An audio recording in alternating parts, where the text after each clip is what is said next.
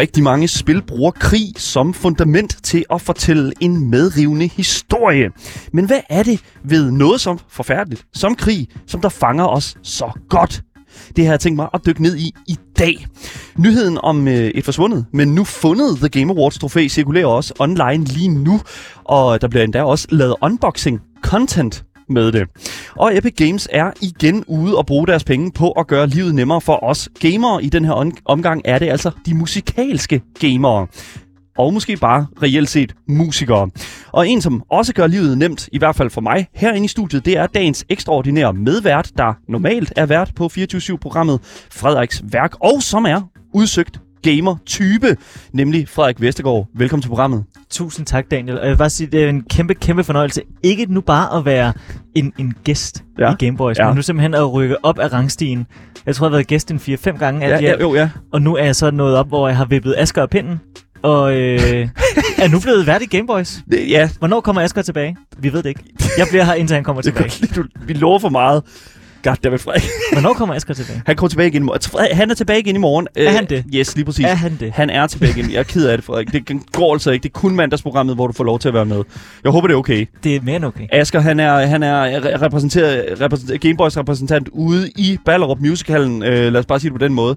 Øh, har en forestilling i dag. Øh, lige nu, faktisk, tror jeg vist nok. Så øh, det, det er, hvad det er. Øh, gå ud og se ham øh, i løbet af ugen, tror jeg. Hvad spiller han? jeg ved det ikke, mand. Jeg ved ikke, hvad det er for et teaterstykke. Jeg ved ikke, hvad det er for noget. Ja, vi taler jo ikke privat. Jeg gider ikke snakke om det. Gider, ikke det handler om gaming. Altså, så er det en musical, eller er det sådan noget Samuel Beckett, eller Bertolt Brecht, eller... Hvis du har noget, du gerne vil fortælle os her på programmet, så kan du give os din mening om det, vi taler om, på nummer 92 45 99 45, eller skrive det til os i vores live chat på Twitch eller i 24-7-appen. Links til Twitch, Instagram og vores Discord finder du i podcastbeskrivelsen. Lad os komme i gang med dagens program. Du lytter til Gameboys, Danmarks eneste gaming-relateret radioprogram. Mit navn er Daniel, og velkommen til.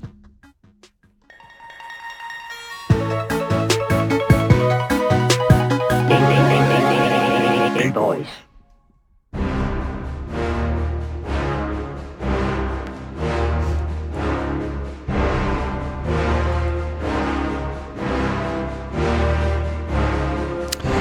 Yes, det er måske en kende usmageligt sagt. Men når det kommer til videospil, så har krig altid været et enormt godt udgangspunkt for gameplay. I hvert fald hvis man kigger på mange af de helt store succesfulde spiltitler, som der tager sit udgangspunkt i det kildemateriale. Vi snakker Battlefield, Call of Duty, Medal of Honor og selvfølgelig RTS eller Real Time Strategy spillet Company of Heroes, som musikken vi hører lige nu netop kommer fra. Og en, af, øh, som er enormt stor fan af netop den øh, spil, øh, spil øh, række der, det er selvfølgelig dig, Frederik Vestergaard. Ja. Yes, du, øh, du, du er jo kommet til mig øh, et par gange nu. Ja. Øhm, Company of Heroes. Hvornår skal vi snakke om det? Præcis, fordi der er jo, øh, der er jo forlydninger på, øh, på nettet om, at der snart kommer en træer. Ja. Og vi har jo kunne øh, se inde på Steam, at den er kommet op, og der står bare TBA. TBA. TBA.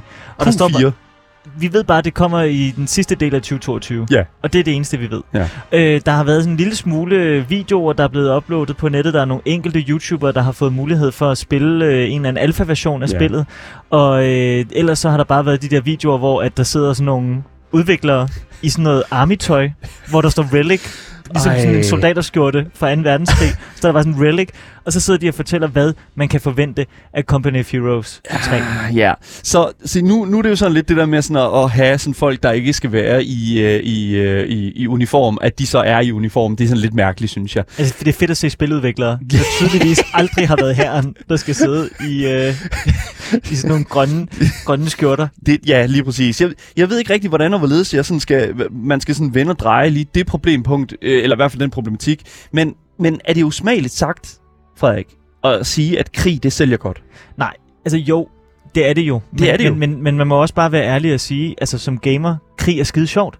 Krig Mm. er bare skide sjovt, fordi det er så enormt underholdende, og fordi det er noget, som de færreste af os har lyst til at Mm. opleve, og det er heldigvis de færreste af os, der oplever det. Men det her med at kunne sidde som historieinteresseret, som jeg er, eller som, øh, og, og militærhistorisk interesseret også, og kunne prøve på en eller anden måde bare at få en lille sådan, sådan kødstump i mundvin, sådan rent salamimæssigt, Ja. af hvordan det har været at udkæmpe den største krig i mands minde, Mm. mm. 2. verdenskrig. Ja. Hvordan har man udkæmpet den? Det kommer jeg jo aldrig til at... Øh, Det kunne du ikke. Det, det, altså, det, er jo, det kan jeg jo, det kan du jo ikke. Det kan jeg ikke. Men jeg kan prøve, og jeg kan lege, at jeg gør. Ja, lige præcis. Og det er netop det, der er med det, fordi Larser, som øh, skriver til os inde i, øh, på vores øh, Twitch-chatten, skriver, at krigsspil er det fede ved konflikt uden at dø. Lige præcis. Og det er jo det, som, som jeg jo et eller andet sted også stiller den her problematik en lille smule op, føler jeg. Fordi mm. Det der med sådan uden at dø, jamen altså, synes du ikke, at det, at det sætter, hvad kan man sige, dem, der så dør i krig, en lille smule, øh, altså det, det sætter dem en lille smule sådan, øh, som om, at det, er sådan, det nærmest bare er sådan prosa, eller sådan, du ved, en eller anden form for sådan,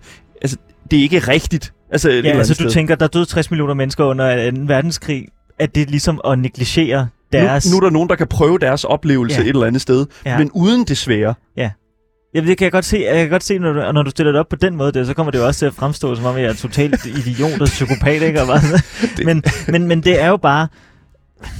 Det er jo det, er jo det, der, det fascinerende i noget, du aldrig selv kommer til at, at, at kunne opleve. Mm. Altså får du lov til at opleve det uden alt det farlige. Det er jo simuleret fare. Det er jo ligesom, når du øh, sætter dig op i en uh, rulle, rutsjebane, Mm. så er det jo også simuleret fare. Fordi du kommer aldrig til forhåbentlig at opleve, hvordan det føles at blive kastet ud over en kløft, og så styrte tre kilometer ned og blive tværet som en pandekage, vel? Men du får følelsen af, hvordan ja. det ville være, når du sætter dig op i en meget, meget uhyggelig rutsjebane, ikke? Og det er jo det.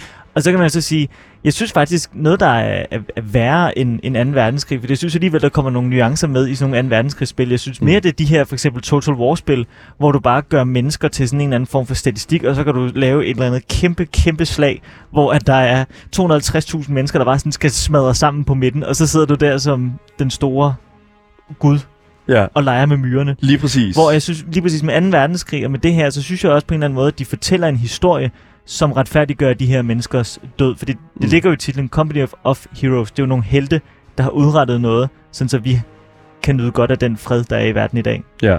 Lige bortset fra Ukraine. Ja, det, jamen, det er jo lige bortset fra Ukraine, ja. Nemlig. Og det er jo, grunden til, at vi taler om alt det her i dag, det er jo netop fordi, blandt andet fordi, at vi, øh, vi jo længe gerne har ville tale om Company of Heroes, mm. men, men, men også det her med sådan, at jeg føler, at det er det rette tidspunkt ligesom at sætte de her to ting her en lille smule i perspektiv over Ja. for hinanden. Fordi at jeg, altså hver eneste dag, så plinger der op på min telefon, at, at jeg har øh, et eller andet sted, øh, nu er der sket et eller andet sted i øh, øh, Kyiv, øh, at, at nu har de overtaget byen, eller hvad hedder det nu, øh, eller øh, 1,5 millioner mennesker er flygtet ud af Ukraine nu. Ja. Og, og, og, og det er jo forfærdeligt et eller andet sted, ikke? Men, men øh, så, ser, så går jeg jo så ind på Reddit eller ind på Twitter og læser, at oh, sådan, nu har Activision endelig noget at lave et nyt spil på.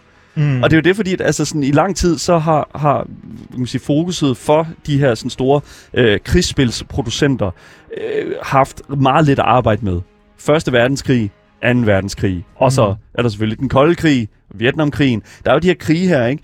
Men nu er, der, nu, nu er der ligesom blevet lavet en masse spil på det, og folk er faktisk gået hen og blevet lidt, og nu kan folk, der lytter med, ikke se, at jeg laver anførselstegn, men sådan trætte af Ja. og ligesom at høre omkring de her krige her. Og jeg, jeg har det sådan, jeg synes, altså hvordan har du det med sådan, at, at, at, at det bliver gjort til indhold som på den, altså på den her måde her? Jeg synes, hvis det bliver gjort ordentligt, så Mm. er jeg faktisk stor fan af det, fordi jeg, øh, jeg mener faktisk også, at du kan lære enormt meget af for eksempel 2. verdenskrig, eller hvis man tager de her Total War-serier, ikke? du kan lære meget af middelalderen, du kan lære meget af det antikke Rom, Mm. ved at spille de her spil, fordi du lærer noget om historie, du bliver sat ind i en kontekst, og så kan det være, at du faktisk også ender med at få en større respekt for den skala, som krigen blev øh, udkæmpet på i Mm. virkeligheden. Og Ja. du på en eller anden måde forstår, jeg ved godt, det aldrig nogensinde kan erstatte den oplevelse, den enkelte soldat har haft på slagmarken, men du kan på en eller anden måde forstå den kæmpe, kæmpe bedrift, det var, at de allierede besejrede Nazi-Tyskland og ja. Italien under 2. verdenskrig. Ja. Og Japan for den sags skyld også. Og Japan, ja, lige Ja. præcis.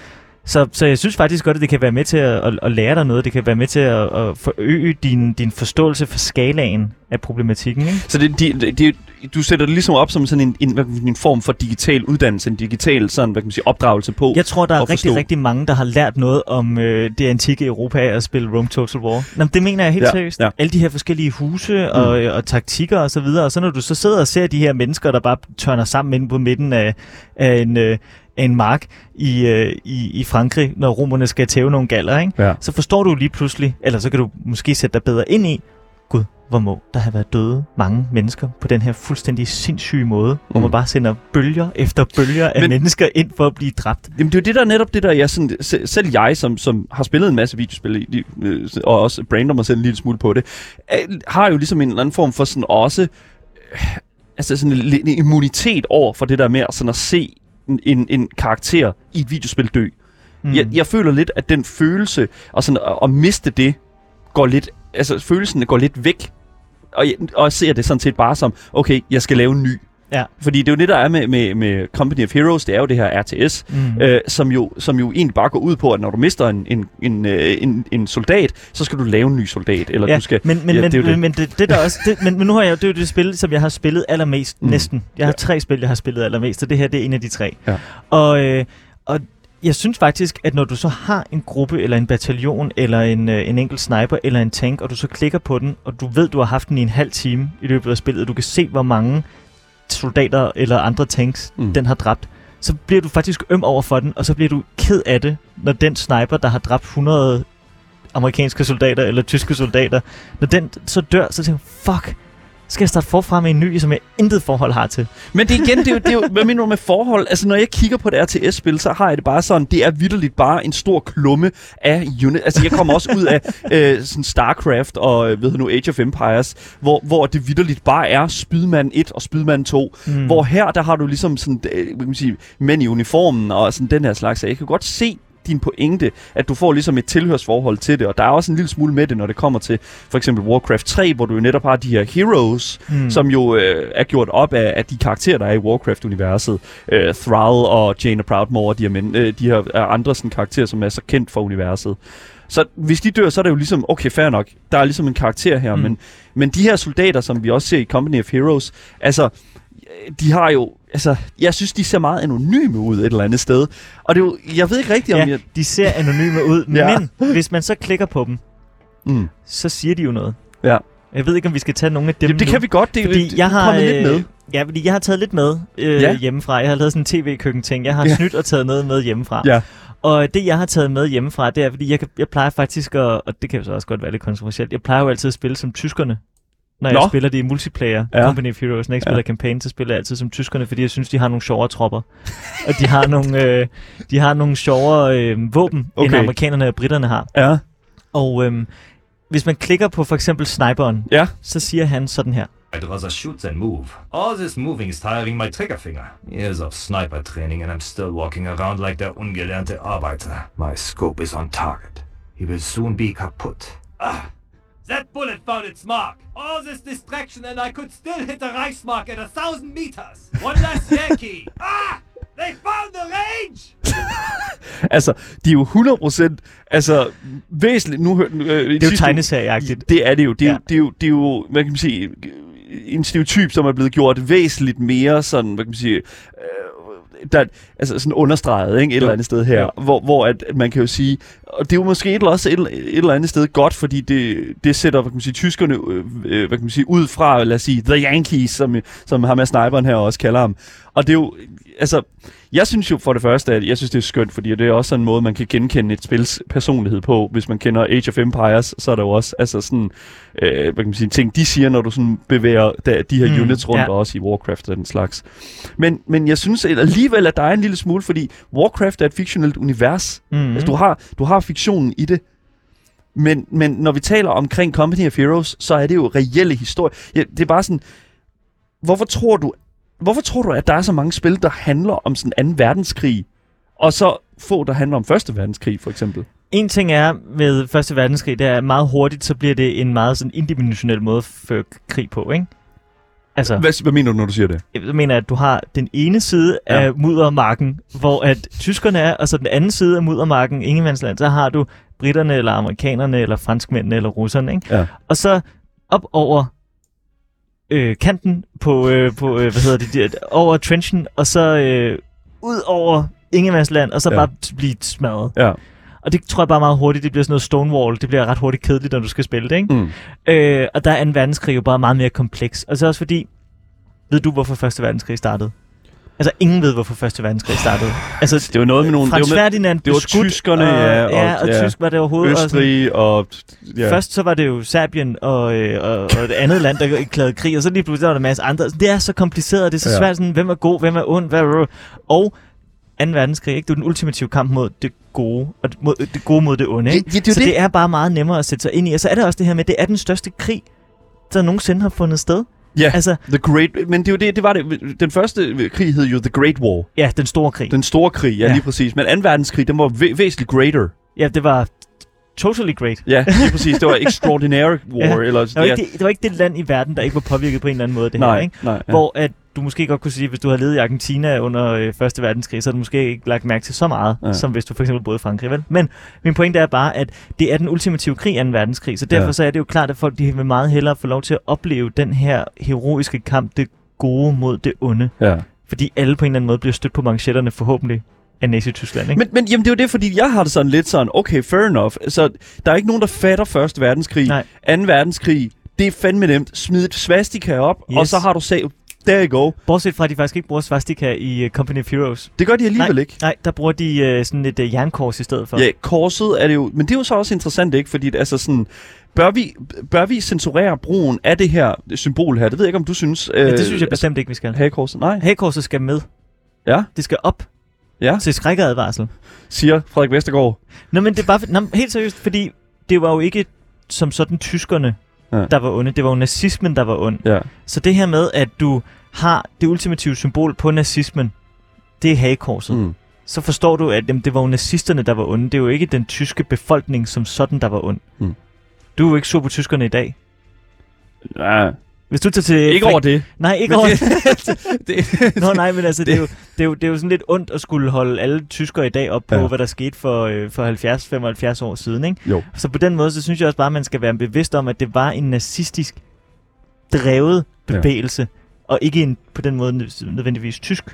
Nej, fordi jeg ved, at tyskerne har været rimelig, rimelig sådan... Øh, øh, det, det svastika, det skulle ikke op i noget medie. Altså sådan, Ja, fordi og- de var bange for, at det, så ville man helliggøre det, og så Lige ville, det præcis. sådan en, så ville der sidde sådan en masse psykopater i kælderen og hejle, ikke? Der er jo mange spil i, øh, hvad kan man sige, i, i spilkulturen i dag, som, som stadigvæk står på øh, tyskernes sådan, medie band, øh, bandliste over sådan spil og den slags. Mm. Øh, fordi at de netop indeholder et svastika, altså det her nazi-symbol. Og Ja. det er jo så, der, og, og der, var jeg jo, der er- må jeg jo ind- indrømme, at jeg er relativt enig med dig, at, at jeg føler også et eller andet sted, at det her svastika burde være repræsenteret, fordi, altså, system, fordi det værste ved det, det er jo et eller andet sted, at, at så putter de bare et andet symbol op. Præcis, og så erstatter det der, og du forstår godt, hvad det er for det symbol, det skal erstatte, ikke? Og så Ja. på en eller anden måde, så udvander det ligesom... Altså, Det er det samme, det var det, nu, for ikke at komme alt for langt væk fra, fra spilkulturen, men sådan Star Wars også et eller andet Ja. sted for, formået at putte øh, også en øh, the, the New Order i den nye trilogi, der har de jo også et, et, et sådan, hvad kan man sige, symbol, og det er jo bare sådan, okay, her er Star Wars svastikaet. Ja. Og det er sådan, hvorfor, hvorfor er det, igen, det er jo for at, ligesom at placere et, et, et, hvad kan man sige, et banner over de her sådan, okay, fucking dem der, de skal bare have tøflen. Dem der, de skal bare have en ordentlig lussing trukket for knæet. de er kun drevet ondskab. Lige præcis. Ja. Og det er jo det, som, som jeg jo et eller andet sted siger, okay, fair enough. Så, så, hvad kan man sige, så de her store koncerner her, de, de, de smækker det her svastika på her. Men det, jeg har det bare sådan et eller andet sted. Altså, hvad, hvad skader det et eller andet sted at fjerne det? Altså sådan, fordi at, altså, at fjerne det her hagekors fra Mm. videospil. Altså sådan, fordi at jo, det, det er jo en, hvad kan man sige, en misrepræsentation Mm. øh, af, af, af, hvad der reelt skete. Præcis. Det er jo, altså, når du fjerner det, så fjerner du også et vigtigt element af historien, fordi det var der. Mm. Det hagekors, det var der. Ja. Men man kan jo så sige, jamen Company of Heroes for eksempel, det er jo en eller anden form for fiktionalisering af 2. verdenskrig. Så i den her fiktionelle udgave af krigen, Ja. hvor at, at vi ligesom har et konsensus om, at, at det, som vi ser nu, er ikke noget, der har været virkelig det vores videospils fortolkning af, hvad der skete. Så kunne man godt argumentere for, at, at så behøvede der ikke at være et, øh, et hagekors. Hvis det er ligesom baseret på virkelige hændelser, ikke? Og baseret på virkelige hændelser, det er jo det mest gratis. Ja, jeg, ja, jeg synes ærligt, at det simpelthen er så, øh, det er så krysteragtigt at fjerne det. Mhm. Jeg synes, det er, altså, er et studie. Jeg synes simpelthen, at... Og, det, og jeg må indrømme, jeg kan faktisk ikke huske, om, øh, om øh, hvad hedder det nu, øh, sådan et spil som øh, Wolfenstein fjernede det. Jeg kan ikke Nej, det huske tror jeg ikke, de gjorde. Det De tror jeg det i hvert fald ikke i, ud over i Tyskland. Nej, ja, nok ud, ud over i Tyskland, men det, og det er jo netop det, jeg tænker sådan et eller andet sted, fordi altså, noget af det, noget af det me- mest... Ja, det er også en lang, øh, en, en lang snak omkring det, Er fordi der, jeg er, der, føler... er der debat? Ja, nej, men jeg, chatten om, nem- hvor, hvorfor Første Verdenskrig startede. så det der skal... Herr Paul i vores Twitch, øh, Twitch-chat, han skriver altså her. Mine kammerater og jeg har spillet meget Hell Let Loose, hvor invaderingen af Normandiet er med, og man virkelig indser, hvor ligegyldigt og skrøbeligt liv øh, er. Amerikanerne blev bare nådeløst plukket ned. Ja. Og grund, øh, Paul skriver her, at grunden til, at Første Verdenskrig startede, var mordet på prinsen. Og jeg ved ikke, hvad for en prins det var. Frans Ferdinand. Frans Ferdinand. Ja, okay, fair nok. Super. Så der er go. Altså, et eller andet sted, så har det sådan lidt sådan, at, at Battlefield øh, lavede jo et, øh, hvad hedder det nu, et spil, som øh, ligesom prøv, forsøgte at vise, øh, hvad hedder det nu, sådan, hvad kan man sige, handlingen på, øh, på Første Ja, Verdenskrig. hver gang der var en soldat, der døde Ja. i uh, slagmarken nede i skyttegravene, så stod der vedkommendes navn, og så stod der, hvornår vedkommende var født, og så døde Ja. ja. de i 1917. Det, ja, og det, der går ikke. Det er simpelthen så, øh, hvad hedder det nu, øh, det, åh, jeg ved det ikke. Jeg synes det, jeg synes det er virkelig, virkelig, virkelig svært at, at sætte det, hele den her samtale omkring, hvorvidt at krig skal, fordi, fordi igen- det er ikke fiktion. Nej, det er ikke fiktion, men det kommer an på, hvordan du gør det. Fordi hvis du gør det fuldstændig ligesom de gør i Mm. øh, den nye Call of Duty 2. verdenskrig, ikke? der er det jo sådan en testosteron-fyldt sådan ultimate male fantasy. Du ja. står en mand med en eller anden anti-aircraft, og så skyder du seks fly ned, der, der eksploderer om hovedet på dig, og så Ja. bagefter så får du bare lyst til sådan at smide din konsol og stå sådan, yeah, get some! altså, Ja, øhm, true. og, og, det gør, og, det gør, og det gør du ikke. Og Nej. så kan man sige, okay, der bliver krig marginaliseret til en eller anden form for male fantasy, hvor du bare sådan skal være sådan... Ja. Ikke? Men, men, men jeg synes, med Company of Heroes, hvor der er taktik, og, og den måde, som det er konstrueret på, så synes jeg egentlig, at de gør de tabte liv ære. 100 procent, altså så, så, så, så, så, så synes jeg, vi ligger den der et eller andet sted. Ultimate Fighting Panda i vores Twitch-chat skriver også, at de nye Wolfenstein-spil er hagekorset skiftet ud med et lignende symbol. Mm. Men det er jo også en alternativ verdenshistorie. Det er rigtigt. Og det må man fandme sige, det er et eller andet sted. Jeg tror, øh, øh, altså det er jo, sådan, det, er jo øh, det nyeste øh, Wolfenstein, der har øh, Tyskland vundet, og øh, USA og Ku Klux Klan går rundt på gaderne og, og Det hylder. er så whack. det er simpelthen... Har du, har du, kan du huske det i, i det spil der, hvor at, øh, der er en tysk officer, der stopper to øh, Ku Klux Klan på gaden Ja. og skal spørge, om de har fået noget af deres tyskundervisning. Har I husket at øve jeres tyske gloser? og så står han og øver, og, Ja, og, og, og så er det- ikke særlig god. og de her sådan, øh, hvad hedder det nu, øh, sådan, øh, hvad hedder det nu, sådan sydstats, øh, hvad hedder det nu, Ku Klux Klan medlemmer øh, skal sige danke. Danke? Danke schön. Danke schön. oh my god. Så jeg er lige præcis, og det er jo sådan en, det er jo, det, det er jo der, hvor der er sådan et, altså den del føler jeg et eller andet sted, det er okay at sætte, Øh, jeg synes, det er okay at sætte måske en alternativ, sådan, hvad kan man sige, det er alter... igen, hvis Hitler er med, så er det måske bare brug svastikadet, der har jeg det sådan lidt. Men når de putter den så meget over the edge, og at det bliver så ja. Ja. mærkeligt, som Wolfenstein kan blive, så synes jeg måske et eller andet sted, ja okay, fair enough. Så, så, så kan vi måske godt tage et andet symbol, I guess. Ja, ja. Whatever. Øh, men, men hvis det er sådan, at vi repræsenterer en reel historisk øh, sådan situation, så synes jeg måske, at det er en lille smule respektløst ikke at vise, hvem det egentlig var, de her mennesker kæmpede imod. Præcis. Ja, så jeg kunne egentlig godt tænke mig sådan at dykke en lille smule ind i Company of Heroes 3, fordi at, øh, det er jo ikke Ja. meget, vi ved et eller andet sted indtil videre. Nej, det er Øhm, meget sparsomt. Det er meget sparsomt. Og Og det er jo, Relic og Sega Ja. har ikke været ude med så meget. nej, lige præcis. Og Der jeg er synes, lidt på YouTube. kan du ikke prøve at forklare os øh, bare et eller andet sted, altså hvad er det Company, of Heroes egentlig går ud på? Jo, Company of Heroes, det øh, går ud på, at du, du kan spille på to måder. Du kan spille, øh, flere faktisk. Men, Mm. men det, de to primære måder, det er campaign, og så er det øh, multiplayer. Og det foregår på den der helt klassiske real-time strategy. Du har en, en bane. Du har sådan et map. Ja. Og så starter du i den ene side, og så er der nogen i den anden side, og så er det kampen om ressourcer, og det er kampen om strategiske steder på pladen, og så Mm. den, der står tilbage med hele pladen, har vundet. Høj, det timede du med musikken, Ja, det, det der. nemlig. Hold nu kæft, mand. Okay. Og, øh, det er sådan den i groft sagt, ikke? men så er der så også kampagneudgaven, hvor at du for eksempel i, øh, i, i starten af Company of Heroes 2, jamen de tager altid udgangspunkt i, øh, i rigtige militærkampagner. Ikke? Så mm. i øh, Company of Heroes 2, der spiller du russerne, og du bliver kastet lige ind i kampen om Stalingrad. Du, bliver, du er soldat, der bliver øh, hævet op af båden fra floden Volga, og så skal du ind til centrum og indtage byens øh, store, store plads. Mm. Og, øhm, og så skal du kæmpe dig din vej ind igennem gaderne. Og det gør du med de her små figurer, ikke? Og så skal du etablere dit hovedkvarter, så skal du få en tank, og så kan du sådan... Øh, og så bliver du mødt med noget modstand. Så, du skal, så får du at vide, jamen, så har du overtaget det her. Nu skal du holde det, for lige med kommer der en modbølge. Ikke? Så skal du lægge miner ud og mm. sætte øh, våben op i, øh, i tagene, sådan så at øh, du kan lave sådan en fed ambush og så videre. Ikke? Ja. Og de tager som sagt udgangspunkt i rigtig historiske slag fra 2. verdenskrig. Etteren fokuserer primært på øh, krig i, krigen i øh, Normandiet og i, øh, og i Nordfrankrig og med Operation Market Garden i Holland, Ja. hvor du britter og amerikanerne, der kæmper mod tyskerne.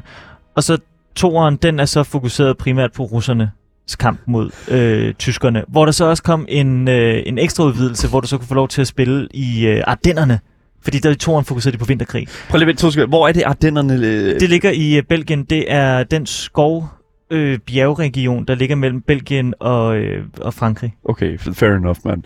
I, I, I believe you. Så, og, og det, Jeg har jo også studeret historie. Ja, det er jo netop det, fordi, og det er jo det, som du, det er jo det, de her spil her et eller andet sted kan, og jeg også det, er sådan, det som jeg synes, der er jo et eller andet sted, det er jo det, som RTS-spil et eller andet sted også er rigtig gode til, det er jo at vise netop den her type af verdenshistorier. Øhm, RTS-genren er jo en, en lidt sådan shaky business fra min side af i hvert fald, øhm, fordi at for det første, jeg er ikke særlig god til dem. Øh, det er en side af sagen. Hvorfor er du dårlig til det? Mm, Det, ja, det, det, det, det, det, det, it, it doesn't agree with me. Lad os sige det på den. Altså, det, der er et eller andet ved det, sådan det der micromanagement, og det der med, at skal... Øh, det, der findes jo mange forskellige typer af RTS-spil, real-time strategy og sådan. Øh, og det meste, jeg har spillet, er Age of Empires. Ja. Og hvis du spiller mod en, der bare er virkelig god i Age of Empires, så er du fucked, uanset altså, hvad du gør.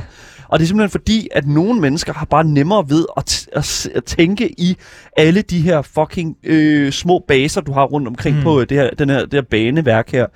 Og så, øh, du skal hotkey det hele, og du skal sætte, øh, hvad hedder det nu, fem øh, tropper i, i, produktion over i det her hus her, samtidig med, at du sætter nogen øh, i gang med at samle noget træ herover, og så er der også lige, skal også lige huske at holde noget tryk på modstanderen, så de ikke begynder at, at, at holde tryk på dig og sådan noget. Og det er bare sådan, jeg kan ikke fucking holde det ud. Nej. Jeg er simpelthen, det er simpelthen et, et, et vis type menneske, som kan, som kan klare alle de fucking fronter der.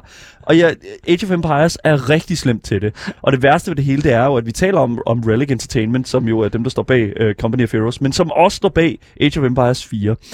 Og jeg må simpelthen sige, altså, no, no doubt about it. Vi har også anmeldt Age of Empires 4 her på programmet, og det var et fucking godt spil. Ja, det kunne du godt lide. Ja, jeg var bare fucking dårlig til det. Ja. Og det har jeg sagt lige siden dag 1. Jeg er herre dårlig til de her spil, men hold kæft, hvor er de fede. Ja. Og det er jo det, som jeg også synes et eller andet sted... Øhm, lidt er lige meget i forhold til sådan, øh, altså min holdning til det, fordi at, altså, jeg kan jo godt kigge på et RTS-spil og sige, alright, this shit is so good. Mm. Og det kan jeg, fordi at, at et eller andet sted, øh, så synes jeg tit og ofte, at hvis det er et godt studie, så bringer de rigtig meget til sådan, hvad kan man sige, det færdige produkt. Mm. Sådan for eksempel, øh, nu har jeg jo ikke selv spillet, øh, hvad hedder nu, Company of Heroes-spillene, men jeg har spillet Age of Empires både 2, 3, også 1'eren, og, og selvfølgelig også 4'eren. Og jeg vil sige, specielt 4'eren gjorde de rigtig, rigtig meget ud af, ligesom at få det her historiske perspektiv. Ja, de havde alle de her i front. fantastiske videoer, som fulgte Yes. med spillet, hvor du kunne se, hvordan man byggede en borg i middelalderen. Og... Hvordan bygger du en borg? Hvor, hvor, hvordan kom øh, crossbowen til? Øh, Ja. Hvad hedder det nu? Hvordan øh, de forskellige svær og sådan noget. Altså, de, de gik ned i, i, ja. i de her sådan helt konkrete sådan dele af sådan, øh, den type af sådan krigsførelse, som jeg synes var så interessant, fordi det er tabt historie Mm. i min side, øh, fra min side af, fordi i dag bruger vi, I don't know, fucking klyngebomber, når, selvom vi ikke må og sådan Mm. noget. Men der tror jeg også, at, og det forventer jeg faktisk også, at der kommer med, øh, med 2. verdens, øh, skyld, med, øh, med Company Heroes 3, fordi der fokuserer de på en ny, som de kalder det, arena mm. Inden for 2. verdenskrig. Ja. Jeg har været inde på, hvad de to forrige spil øh, fokuserede på, men, men træeren her, der har de så valgt at fokusere på øh, den del af krigen, som øh, måske er lidt underbelyst, ikke kun i, øh, i, i film og i spil, men også i forhold til vores historiske bevidsthed, nemlig mm. at USA jo invaderede sammen med øh, britterne og Commonwealth-tropperne, invaderede jo Italien lang tid før de invaderede i Normandiet. Vi får hele tiden at vide i vores historieundervisning, at befrielsen af Europa fandt sted ved, ved D-dag. Øh, ja, D-dag, ja, lige præcis. Ja. Et år inden Ja. havde amerikanerne allerede taget Italien, ikke? Ja. Og man havde allerede udkæmpet øh, store, store øh, tankslag i, øh, i Nordafrika. Mm. Og det er det, der bliver øh, fokuseret på i, øh, i det nye Company of Heroes 3. Så de fortæller sådan set bare en, en, en hvad kan man sige, den her sådan lidt mere uvidste, eller måske den her sådan lidt mere den går, den går lidt ned i det der sådan nørdede aspekt af Ja. det. Ja. Det, det, og, det, og det er jo netop det, som Relic kan. Og så tror jeg også, at du vil kunne lide Company of Heroes i forhold til det der med, at du ikke rigtig kan holde styr på, hvad der foregår i et uh, real-time strategy med. Der er alt for mange ting, fordi det er utrolig simpelt. Du har øh, benzinposter, du har ammunitionsposter, og så har du manpowerposter. Det er Ja. de eneste, du skal holde. Så Okay. du skal ikke ud og fælde træer for at få våben til din... Altså, Oh for at få God. træer til din våben. Det behøver du ikke. Det behøver du ikke. Du skal bare, Åh. holde, du skal bare holde de her Ja. punkter, og så får du øh, flere og flere ressourcer. og jo flere ressourcer du får, jo større her kan du få. Men altså, det, det- er så simpelt. Jeg, er bare, jeg, jeg føler bare aldrig nogen... Fordi alle de der, så står der en dude et eller andet sted langt væk fra, og så, åh, jeg glemte lige ham, og så skal han lige op, og så skal jeg lige vente på det, og så kom... Ja. Jeg har bare et kæmpe problem med den her type gameplay, og det... det, det selv, selv i, i, i et spil, som, øh, som også simulerer, øh, hvad hedder nu, krig på en anden måde, øh, Foxhole hedder det, Mm. Øhm, der, altså, der er det lidt det samme, og der skal du bare styre dig selv egentlig. Og der er det, altså, det synes jeg stadig er for meget, fordi det, du, det er sådan, hele den type gameplay er simpelthen tabt på mig, føler jeg.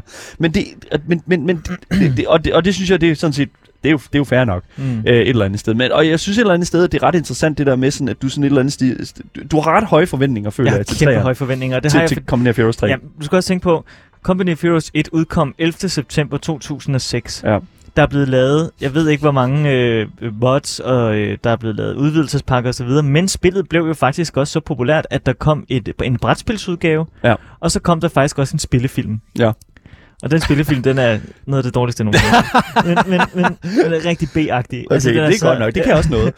Nå, men, øhm, men toeren, den skuffede sig fælt, fordi det var som om, at de tog alle de ting, der gjorde etteren fede, Mm. og så tænkte de, det prøver vi lige at ændre på nu, fordi vi vil prøve ligesom at adoptere en anden form for krigsførsel, som var måske man ved at tro mod den måde, som at russerne kæmpede mod tyskerne på under krigen. Ikke? Mm. Og det gjorde bare, at du mistede nogle af alle de ting, som der gjorde. Jeg synes, at øh, etteren fungerede rigtig, rigtig godt. Det var nemt at styre dine øh, din tropper, det var nemt at få bygget en divers herop og så videre, og det var nemt at få sådan spawnet folk ind på banen. Mm. Og det var gjort det enormt svært i, i toren. Det blev næsten for realistisk. Lige pludselig så kunne du have nogle soldater, der var på vej til at hjælpe nogle andre soldater, og så blev de, så kom de til at gå ud på noget tynd is og røg ned igennem. eller, F, hvad fanden laver de?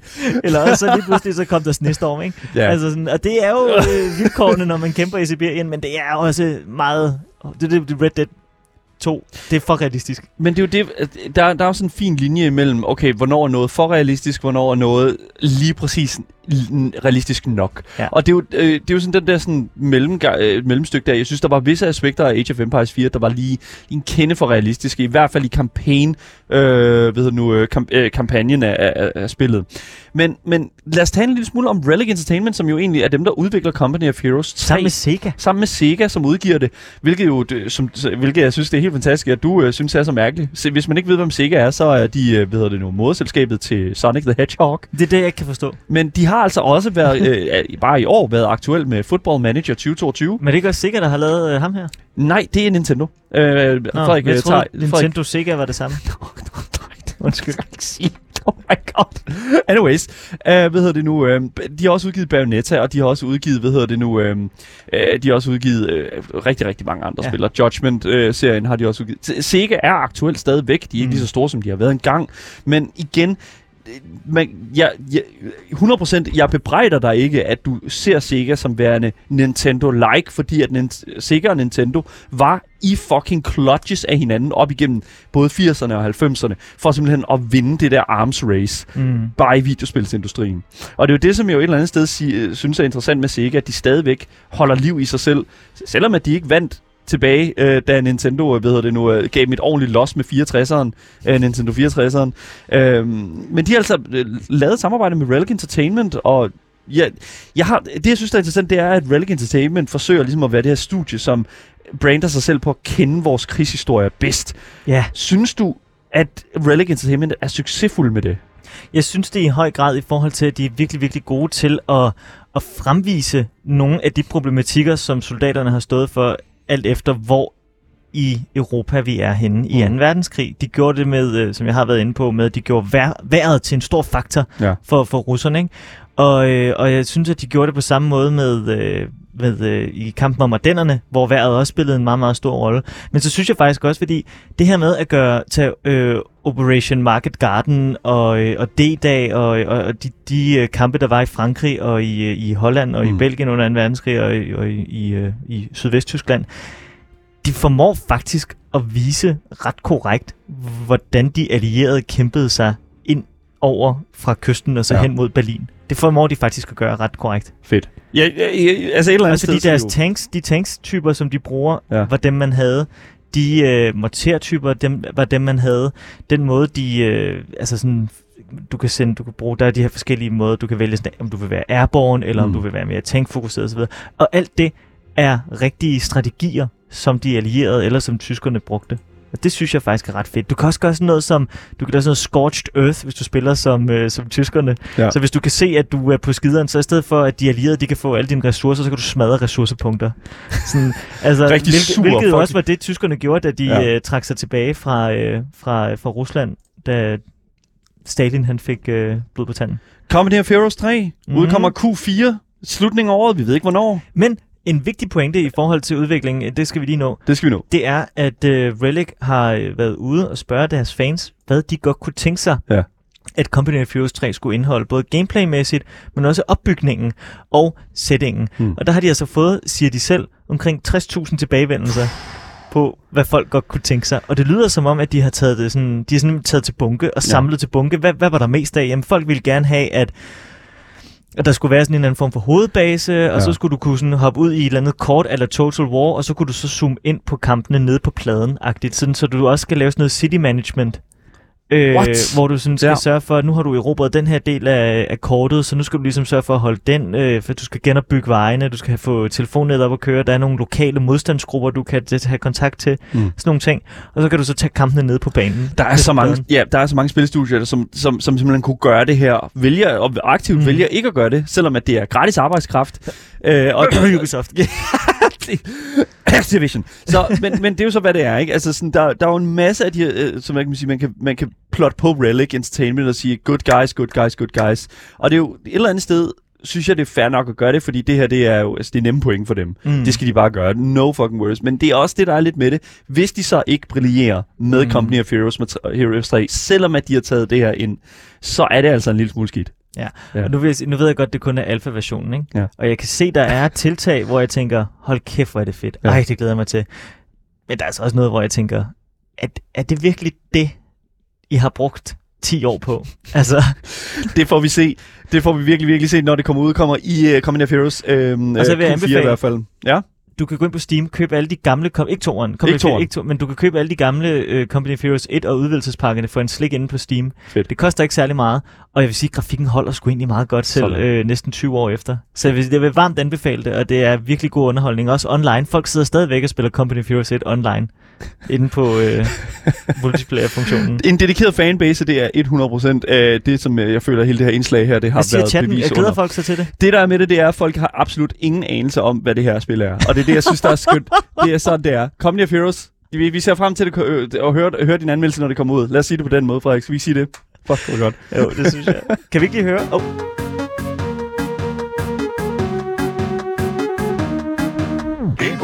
Vi øh, hopper hurtigt videre, fordi at, øh, tiden er knap, og øh, Ja. hvad hedder det, humøret er højt. Jeg vil Hvis du- bare have hørt flere øh, tyske soldater. Vi, vi kan høre dem, øh, vi kan høre dem øh, efter programmet er færdigt. Så øh, oh, ja. hvis du først er droppet ind nu, så kan jeg fortælle dig, at du lytter til Gameboys her på 24-7. Du kan også give os din mening, hvis øh, om det vi taler om øh, på nummeret 92 45 99 45, eller skrive det til os i vores live chat på Twitch og i 24-7-appen. Links til Twitch, Instagram og vores Discord finder du i podcastbeskrivelsen. Mit navn er Daniel Mølhøj, og med mig i studiet i dag har jeg Frederik Vestergaard, vært 24-7-vært her på Fladen på sit eget program, Frederiks Værk. Og øh, vi skal videre til noget andet. Vi skal nemlig videre til nogle nyheder. Gameboys! Fordi øh, der er nyheder at finde. Det er jo ikke ja. en, en, en kedelig kultur, jeg sidder, sidder og rapporterer på hver evig eneste dag ud over fredag. Øhm, og den første nyhed, vi skal tale om i dag, det er altså her på, Game, øh, her på Gameboys, har, er, er det jo altid sådan en tradition, at vi dækker The Game Awards. Mm-hmm. Og ligesom giver vores bud på, hvem vi ligesom synes, der skal vinde de her forskellige kategorier. Hvor men- tit har jeg ret? Men øh, det, det skal vi ikke snakke. Så, øh, hvad hedder det nu? Det viser sig, at selvom at man kommer op på scenen, altså som udvikler, og modtager en pris, Ja. så får man altså ikke statuetten med hjem med det samme. Det er, det er sådan ret sådan, man vinder den, og så siger man tak, og så stiller man den på et bord, og så bliver den sendt ud til dig til, på, i studiet. Du må ikke tage den med hjem. Nå. Åbenbart. Det er Jo. sådan, det hænger. Den Hvorfor? bliver, den, jamen, det er bare, det er, det, I guess, af sikkerhedsårsager. Det kunne, så kunne der ende noget galt, eller et eller andet. nogen kunne tage den forkerte, og så ender der en masse problemer. Så Der er jo rigtig mange historier fra Oscar-ceremonier med, at så er der øh, folk, der har vundet en Oscar-statuette, så er de taget byen, og så har de glemt deres statuette på McDonald's, og sådan noget på vej hjem. Yes, lige præcis. Jamen, det er præcis. Og det er jo det. Statuetten bliver tilsendt til studiet, og så kan man ligesom stille den frem og, øh, og sige, ah, vi vandt og sådan noget der.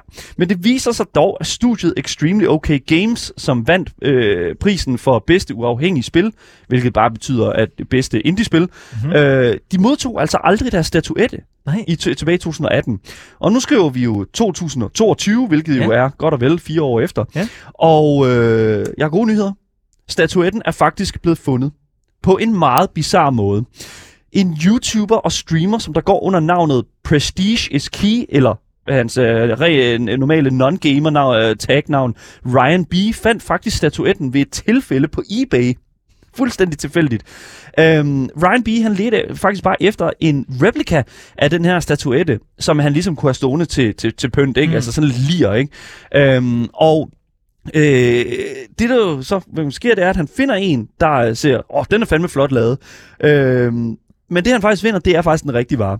Nej. Det han finder, det er, han finder en sælger, som vil have 500 dollars for den, altså godt og vel 3400 kroner, men lykkes så at få prøvet ham ned i 2500 kroner for den her statuette her. Og da Ryan så modtager statuetten, der finder han så ud af, at det faktisk er den ægte vare, han lige har købt, nemlig øh, øh, hvad hedder det nu, Extremely OK Games øh, helt statuette fra The Game Awards 2018. Er det så billigt? Det, jeg, det, det, jeg ved det ikke. Jeg ved ikke, hvad de går for normalt. Hvordan er den formet? Altså, hvordan ser den ud, den Så- her? Er så- den lavet af, af, af 24 karat guld og formet som et joystick, eller hvad? Det- Det er, hvad jeg sådan tror, jeg tror, det er plastik. Ja, det, det ligner plastik. Nå, det hvis er den, jeg- der er der. Det er lige præcis, vi, er, vi, har, det, vi har et lille lydklip Ja, af det, og med det det jo video og sådan lidt. Men det, der er interessant her, det er jo så, at, øh, hvad hedder det nu, at, at sælgeren jo et eller andet sted, det er jo ham, vi skal kigge på her. Ja. Fordi sælgeren siger efter sine, at han heller ikke vidste, at det var den ægte vare, eller for den sags skyld, hvordan han fik, den, fik fat i den, fordi han jo sådan set bare primært sælger solgte bildele og motordele, som han købte den af ham her Ryan B. Så hvad fanden er der sket? Er der en pakkefejl, eller har sælgeren svogers onkel, søster sørget for, at der lige var en souvenir fra, fra 18 line-uppet øh, i, til The Game Awards? Der er ingen, der ved det. Det ser Men- virkelig mærkeligt ud. Den, den er totalt bare sp- øh, sprunget op, ikke? Øh, ud af ingenting. Og jeg, jeg vil bare lige sådan... Det, der er interessant, det er, at Ryan, han beslu, Ryan B. besluttede sig for at kontakte Extremely OK Games. Og her fik han så bekræftet, at de aldrig nogensinde modtog den her pris her. Så, og, og hvorfor at, at, at OK Games, øh, okay, øh, Extremely OK Games ikke øh, selv valgte at skrive, det er Ja. ja. svært at sige. Men Ryan valgte simpelthen at sende statuetten tilbage til Extremely OK Games, efter han dog fik lov til at lave en unboxing-video af ham. som Selvfølgelig simpelthen skal der være Han skal jo lave noget content ud Det er af klart. det, det er jo klart. Han skal jo, han skal jo have noget ud af det. Han gør jo ikke bare noget for sin egen blå ønske. Det gør han jo ikke, nej, lige præcis. Og han har faktisk øh, han, han lavet en video her, vi kan lige starte den her. actually none of the above. Surprisingly, they never received the trophy. They never got it from the Game Awards. Whether it was mixed communication or something that happened, the team actually never received it. And that broke my heart because this is a once in a lifetime trophy that development studios may never earn. Ja, så han, han sidder jo her og forklarer, at han har, har lavet en unboxing-video af det, og øh, videoen kan også øh, findes i vores podcast-beskrivelse, hvis man selv vil se den. Øhm, men jeg vil simpelthen sige, at, at det er jo fuldstændig helt... Altså, igen, jeg, nu sagde jeg plastik, men jeg tror sgu, den er lavet noget lidt mere massivt, fordi det er Godt se, hvad den er kommet Det- i. Det det- ligner jo Draculas rejse, altså rejsetoilettaske, ikke? Altså, Ja, der er godt med velvet inde i den her... sort øh, velur. Sort velur, ja, lige præcis. Og, og, og, og han sidder jo her og håndterer den, og der er godt med packing material i. Til de skarpe kanter. Ja, lige præcis. Og det, og det er jo det, som jeg synes, der er sådan uh, interessant her. De har simpelthen aldrig modtaget Extremely OK Games, den her, øh, den her byste her. Og øh, Extremely OK Games har så simpelthen valgt at sende et signeret kopi af Celeste, som jo er Extremely OK Games, øh, det spil, som de valgte for, vandt mm-hmm. i, øh, for i 2018, simpelthen tilbage til Ryan, samt tilbudt at betale ham det tilbage, som han købte statuetten for, fordi at han var så venlig at kontakte dem. Han ja. kunne jo bare have valgt at, at sige, listen op, men nu har jeg bare den ægte vare, Ja, og så har den min. stående frem, ikke? Jamen, han siger, det er heartbreaking, at de ikke har fået den. Præcis, Det, det ødelægger hans hjerte, fordi han synes jo, det er noget pis, at så er der et studie, som måske kun eksisterer i en kort periode, Ja. og så har de udrettet noget ret utroligt i den korte periode, og så bliver de hyldet for det, men de har ikke noget at vise det. Nej, Altså, ja. at vise for det. Ja. Altså, det der er synd. Ja, og nu er øh, Celeste er også et helt fucking vanvittigt godt spil. Så et eller andet sted, så synes Altså, jeg... du er også personligt glad for, at de har fået deres... Jeg synes, at det her det er en helt fantastisk historie, fordi for det første, det viser, at ham, der, ham her, Ryan B., han er top tier gamer. Det er, noget det, det, det, altså, det er den højeste praise, vi kan give her på programmet. Men øh, han er jo også et eller andet sted, at, hvad kan man sige, han, er, han har en retfærdighedsfølelse, som jeg føler, at øh, rigtig mange vil kunne øh, sige, øh, sige, ved du hvad, det, øh, det tror jeg faktisk ikke lige, vi behøver at, øh, og, øh, og, og snakke så meget mere om. Men han, er, han har simpelthen valgt at sende den tilbage, og de har simpelthen taget imod den. Han har simpelthen lagt sin Nintendo Switch oven på kassen, og for at ligesom vise størrelsesforholdet, og det er simpelthen en kæmpe fucking kasse. Det er en ordentlig kasse. Videoen ligger i vores podcastbeskrivelse, og det er fandme nede med noget af en historie. Jeg synes, det er helt fantastisk. Uh, så helt igennem, uh, kæmpe, kæmpe stort tillykke til uh, Extremely OK Games for at vinde i 2018. Her er jeres statuette. Endelig uh, nået frem til, og jeg håber, at, uh, hvad hedder det nu, uh, jeg håber, at de hvad hedder det nu, er, er glade for den derinde i hvert fald. Hvad var det, han hed ham der? Ryan B. Jeg vil sige, Ryan B., hvis du har råd til at købe den der statuette der, så har du også råd til at få øh, altså parketgulv i stedet for væg-til-væg-gulv til det. Det er en helt anden side af sagen, skal vi ikke bare sige. så kæmpe stort tillykke til Extremely OK Games, og Ryan B., du er en top tier gamer.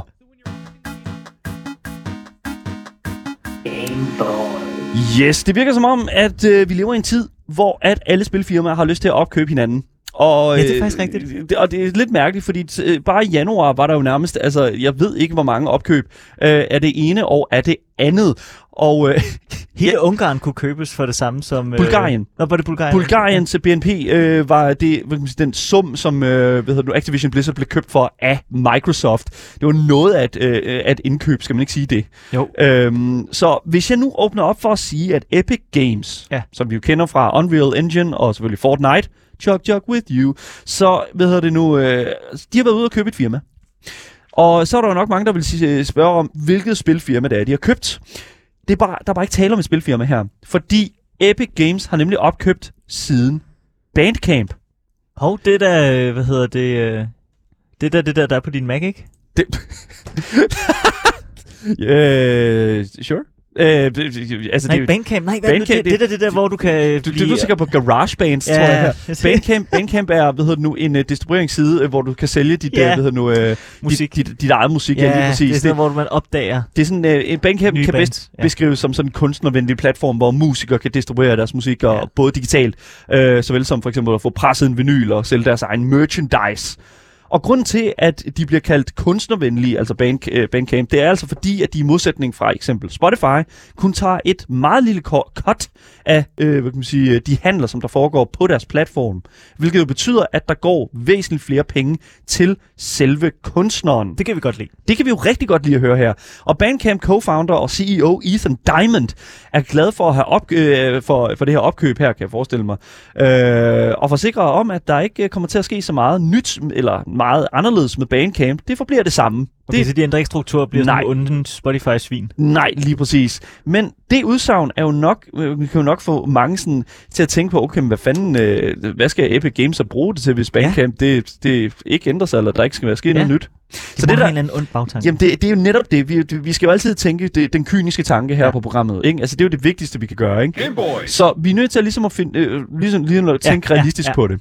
Så først og fremmest, så kan de to services dele erfaringer og løsninger med hinanden. Det er jo klart, det, det, er, jo, det, er, sådan, det, det er jo sådan bundlinjen for mm-hmm. det. Mhm. Altså, hvordan deres hjemmesider er bygget op, I guess, hvilke værktøjer, som der ligesom bliver brugt til at distribuere de her ting, og ligesom betalingssystemer. Det, det er sådan de ting, som de begge to har sådan til, til, til, til, til fælles, føler jeg. Sådan de begge Bandcamp og Epic Games. Men Bandcamp planlægger også at arbejde med man kan sige, Epic for ligesom at fremme deres nyere vinylpresning og livestreaming tilbud. Det er sådan også noget nyt noget. Jeg ved ikke lige helt, hvordan det kommer til at fly. Jeg, Ja. jeg er ikke helt sikker. Altså bare livestream, ikke? Nå, Nå, jeg, nej, men det er bare, altså, nå, nej, nej, det er jo fint til det her, men sådan, det, det der med, jamen, i forhold til en koncert, du kan sgu da godt huske under første lockdown, da alle lige pludselig skulle lave øh, online-koncerter, ikke? jeg, altså, Det jeg var må sige, Fucking lort. Travis, uh, Travis Scott-koncerten i Fortnite var faktisk ganske fin. Det er også noget andet. Ariana er Grande-koncerten var også rigtig fin. Det, ja, ja. men, men det der med at stille nogle musikere op til sådan en kamera her, og så stå Ja. her, altså, det er jo ikke det samme. Nej, det, og det er fuldstændig, det er helt Men korrekt. kunne det være, at Epic Games, de vil suge kreativ musikenergi ud af, og så bare øh, få en slik bruge musikken i deres spil. Jeg tror, du har fat i noget her, Frederik. Jeg tror, du har fat i noget her, fordi det, der er med det, det er, at det ikke er første gang, Epic Games går ud og opkøber et ikke-spilfirma. Fordi tilbage i 2021, der købte Epic Games nemlig ArtStation, som er en hjemmeside, hvor især digitale kunstnere ligesom kan dele deres sådan, porteføljer og købe og sælge aktiver ja. øh, og referencemateriale og sådan noget. Og efter Epic opkøbte dem, så blev deres øh, sådan, læringstutorials og foredrag gratis. Hmm. Så de har ligesom fået, hvad kan man sige, en salvandsindsprøjtning til ligesom at, øh, altså ArtStation, simpelthen at sørge for, at der kommer noget gratis indhold ud, som ikke er sådan gemt bag sådan paywall og den slags. Hvilket jo er et kæmpe plus, hvis man gerne vil kaste sig ud og lave digital kunst, for eksempel, hvis man gerne vil lave et spil eller noget af den stil. Ikke? Mm-hmm. Og Epic Games har altid snakket med store bogstaver, når det kommer øh, sådan til, at de gerne vil sådan støtte creators på deres platform. Og det er jo grunden til, at for eksempel, at de kun, øh, Epic Games tager 12% af kottet, øh, når der, sådan, øh, der er noget, der bliver købt på øh, ja. deres platform, frem for for eksempel øh, platform Steam, som tager mellem 20 og 30%. Og det er meget med. Det er væsentligt mange flere penge. Ja. Så allerede der tror jeg et eller andet sted, Bandcamp, altså der er også en lighed ja, ja, ja. her, der er noget logistisk her, som sidder rigtig godt. Og samtidig med, så skal du også lige betale 100 dollars for overhovedet at få dit spil lagt op på Steam-platformen. Så det er altså virkelig en vanvittig øh, god, øh, eller hvad kan man sige, kæmpe stor forskel, når det kommer en kæmpe ressource. Øh, man kan også tænke sig til en service, hvor et firma nemmere kunne finde kunstnere, som for eksempel du siger, Frederik, og simpelthen kunne få skræddersyet et musikalt støtte, stykke til deres sådan, de, design i deres spil. Mm. Og så kunne ligesom hjælpe nogle musikere med at sådan, få mere betalt arbejde og, og putte nogle flere ting i deres portefølje nemlig. Det synes jeg er sindssygt godt. Jeg synes, det er fuldstændig vanvittigt, at, at Epic Games går ud og gør det her, men vi ved altså endnu ikke rigtigt, hvad det kom, hvordan det kommer til at, at, at foregå et, et eller andet sted. Så ja, 100%. Jeg, jeg, jeg synes, jeg synes, at det, jeg synes, det er godt, men igen, jeg er altid en lille smule skeptisk, når der er sådan, at der bliver købt nogle ting. For, ja, fordi man sidder altid og tænker, hvad fanden er det I ved? Hvad, hvor er det I vil hen med det her? Epic Games har... Hvor er catchet? Ja, det er netop det. Vi, jeg ved godt, at vi, det, vil sige, at vi har vidst i lang tid, at Epic Games er rigtig gode, og vi, vi, vi ved, at de giver nogle gode ved, nogle ja. håndsudrækninger til forskellige sådan, platforme og den slags indie-spilfirmaer. Øhm, men Epic Games formår bare at blive ved med at fortælle os det. Og jeg er enormt glad for at se, at de er bliver ved med og ligesom at fastholde den der sådan agenda om, at det behøver, du behøver ikke at have en kæmpe pengepose for at kunne udgive et Nej. spil. Øhm, jeg ved for eksempel, at øh, det danske spilstudie Triband lavede en fantastisk øh, sam- aftale med øh, Epic Games, og de fik et øh, stort cash, in, cash flow til deres platform, for at ligesom, og, som ligesom sørge for, at deres øh, platform, eller deres øh, spil, undskyld, øh, What the Golf, fik lov til at udkomme på en meget større platform end, end bare Steam, og blive gemt væk bag Steams øh, umulige fucking søgesystem. Så det er altså, det er altså der, jeg, jeg, jeg hvad hedder det nu, øh, jeg, jeg tror, at Epic gerne vil tage den hen. Apropos tage noget hen, mm. vi to minutter tilbage. Ja. Jeg, et, et minut. Undskyld, et minut. Er du for eller imod, at man laver remakes af i forvejen eksisterende spil? Fordi jeg så det første Tomb Raider bliver remaket. Mm. Og, øh, og... Igen, hvis man gør noget nyt med det. Altså, okay. hvis man, Men hvis det, man, man bare bruger... sådan lige polisher det op, det... Ja, det, det kan... Igen, vi så, hvordan det gik med for eksempel øh, øh, GTA-trilogien. Øh, den, okay. som blev remasteret her for ikke så lang tid siden. Øh, der smed de noget, bare et nyt udseende på, øh, og det hele var et buggy mess. Øh, Diablo øh, 2 Resurrected, øh, det var den samme kode, men også bare et nyt øh, look det fungerede en lille bitte smule, men igen, ja, folk det godt. Jeg bare lige høre dig. Så altså, jeg er 100% fortaler for det, men, men det skal bare gøres korrekt. Ja. Og det er også det, jeg føler et eller andet sted, at, at, øh, at, Epic, sådan, at aftaler med Epic Games for eksempel kan være med til at fremme, det er, at, at der ligesom kan være de her sådan, små passion projects, som kan få det her cash flow, som ligesom kan hjælpe med at få nogle af de her projekter off the ground, og ligesom at få solgt det til nogle mennesker. Og det synes jeg er sindssygt godt. Epic Games simpelthen har købt Bandcamp til hvad? Det ved vi ikke 100% sikkerhed endnu, men jeg er 100% sikker på, at det nok skal blive interessant, det produkt, der kommer ud. Tak til jer, som har lyttet med på radioen. For jer, der kommer der nogle nyheder nu. Hvis du missede noget, så kan du altid finde dagens program som podcast, hvis du bare søger på det gyldne navn. Gameboys. Så misser du aldrig en nyhed, en anmeldelse eller et interview nogensinde igen. Du kan også altid give os din mening om det, vi taler om på nummer 92 45 99 45, eller skrive det til os i vores live chat på Twitch, Instagram eller whatever 24-7-appen der går. Links til det hele, yes, det finder du i podcast-beskrivelsen. Mit navn er Daniel Mølhøj, og med mig i studiet har i dag haft Frederik Vestergaard. Det har simpelthen været så hyggeligt. Det har været en kæmpe fornøjelse at have dig på programmet. Vi er selvfølgelig tilbage meget mere. Asger er tilbage igen i morgen med en Nu- anmeldelse. nu må vi se. Nu må vi se. Ha' en god dag. Hej hej.